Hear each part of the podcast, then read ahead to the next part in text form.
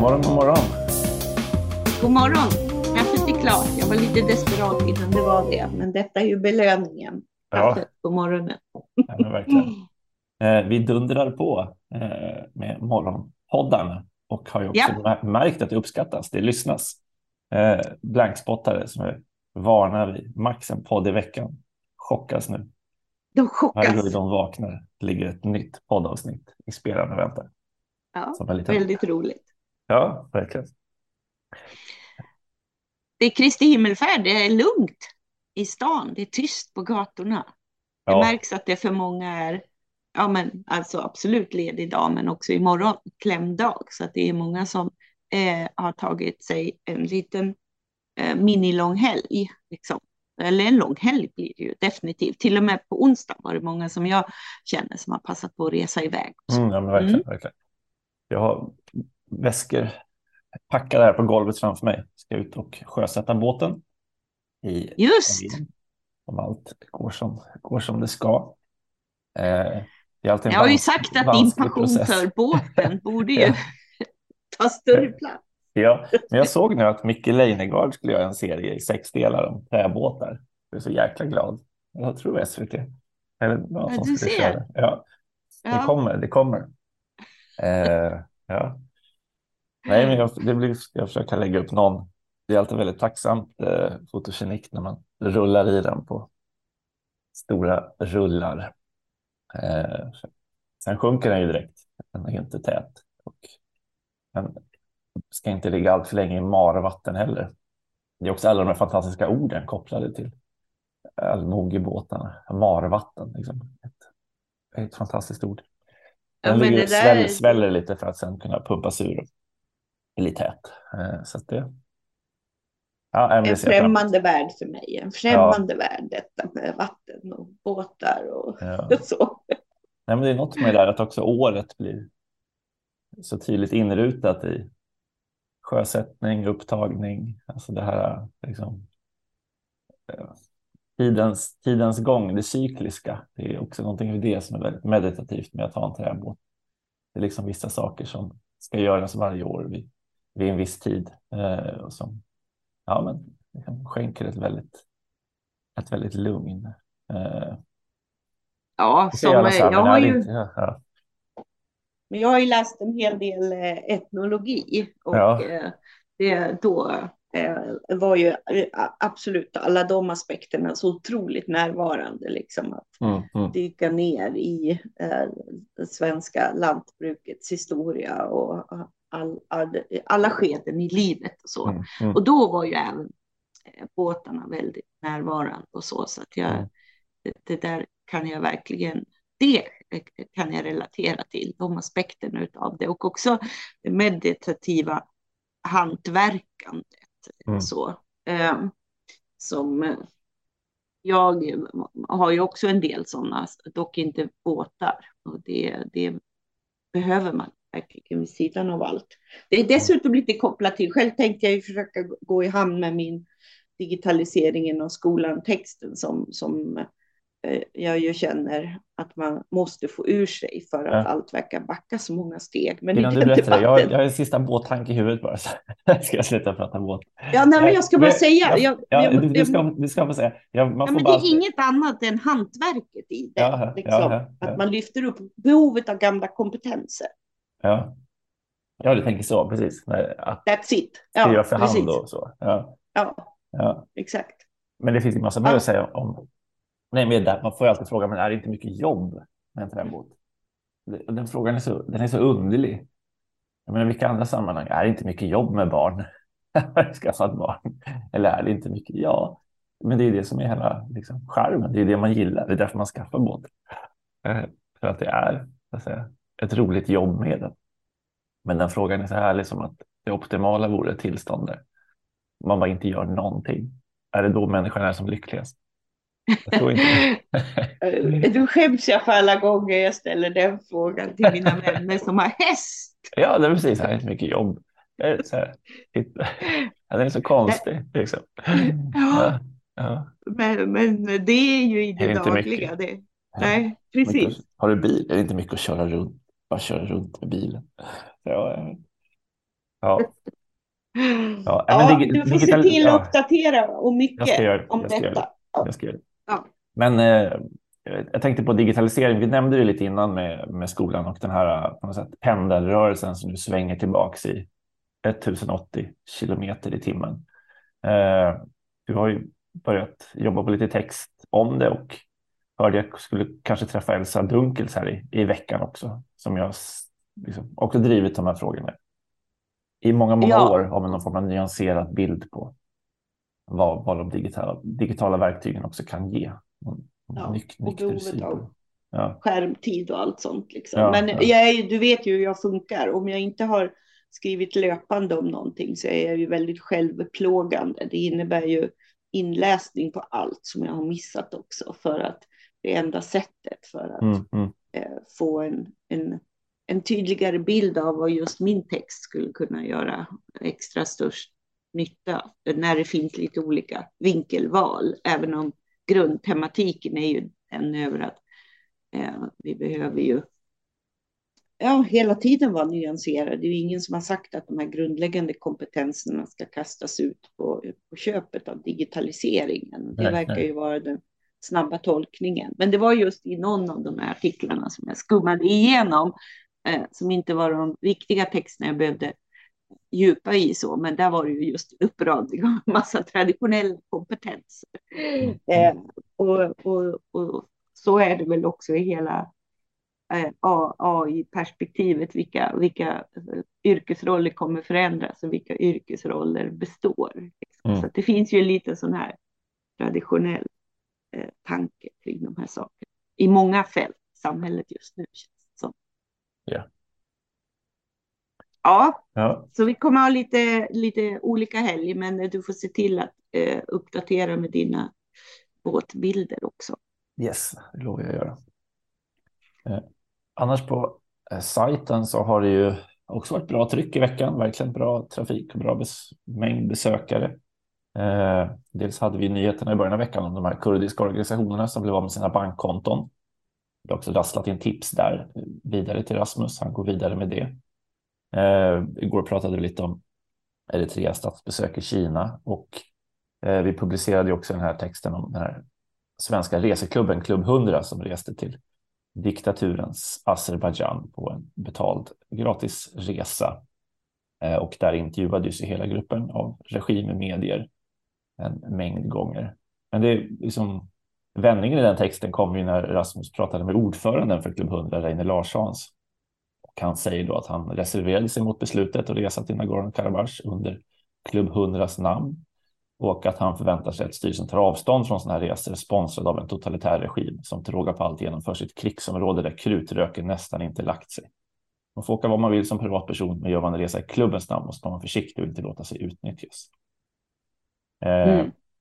och det är ju verkligen ord och inga visor. Och så ja, Rasmus frågar lite mer om problematiska intervjuer och betalning. Och så, så säger han att uppenbarligen måste vi arbeta med det etiska framöver.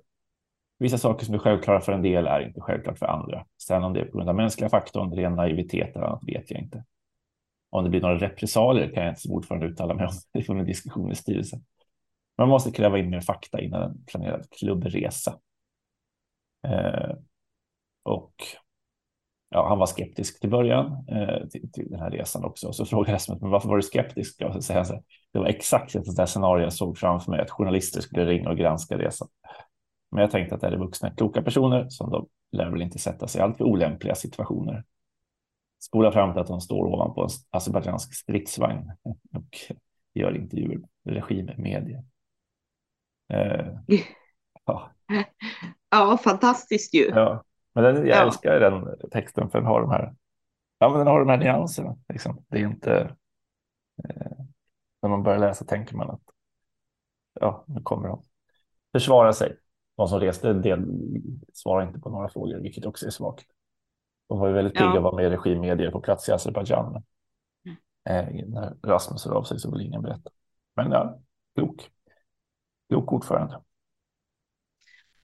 Ja, det där är ju, alltså man får en, eh, alltså de kan ju resa vart de vill, eh, så är det ju liksom. Ja, ja. Och man vet att det finns den typen av, eh, ja, eh, men, men att man sen på plats blir så lätt utnyttjad ändå Ja, är ju så intressant. Men det är ju svårt att säga nej. Du ju då säga nej till dina värdar som då har liksom bjudit dig på allting. Och, det, är det är precis så sånt här fungerar. Att, Ja. vi kan väl ställa upp och ge en intervju och säga att det var fint där. Liksom. Att det, ja, eh, och, ja, det Rasmus visar i texten är också hur pass medvetet det här är från Azerbajdzjans sida. Eh, det är ju liksom tusentals personer som åker på de här bjudresorna varje år. Mm. Ja, det här är spännande.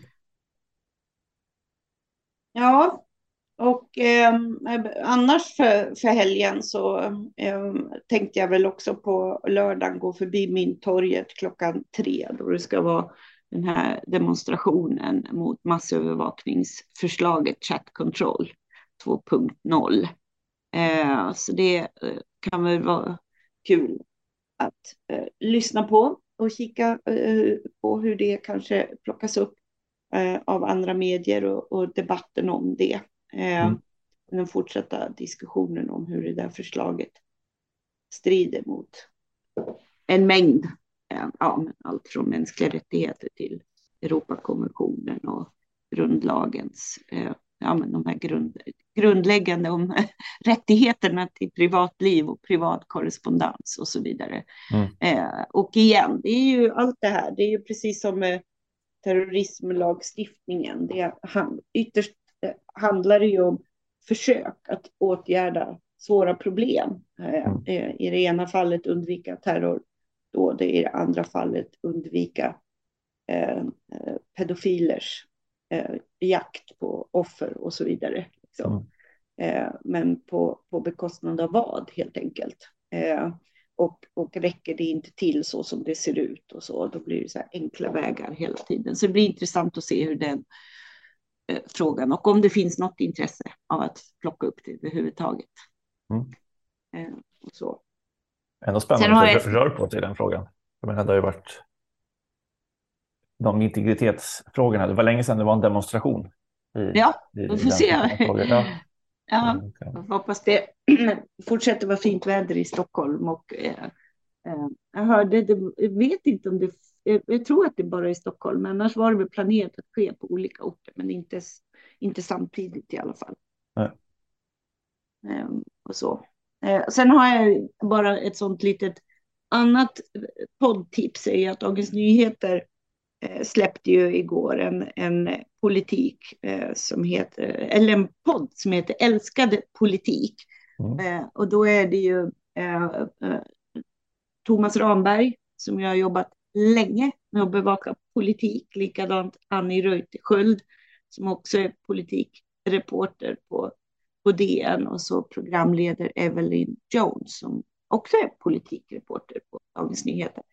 Eh, och, och jag eh, älskar ju också politik och det ska bli kul att följa den eh, eh, podden. Jag kände det är mer nördiga politikpoddar som djupar lite och det känns ju som att de här personerna kan göra. Men, men eh, jag tänkte då skulle de då nu summera den här eh, SD-tystnaden som har varit, det vill säga Thomas Ramberg skrev tydligen en text för någon månad sedan som är vart tog SD vägen?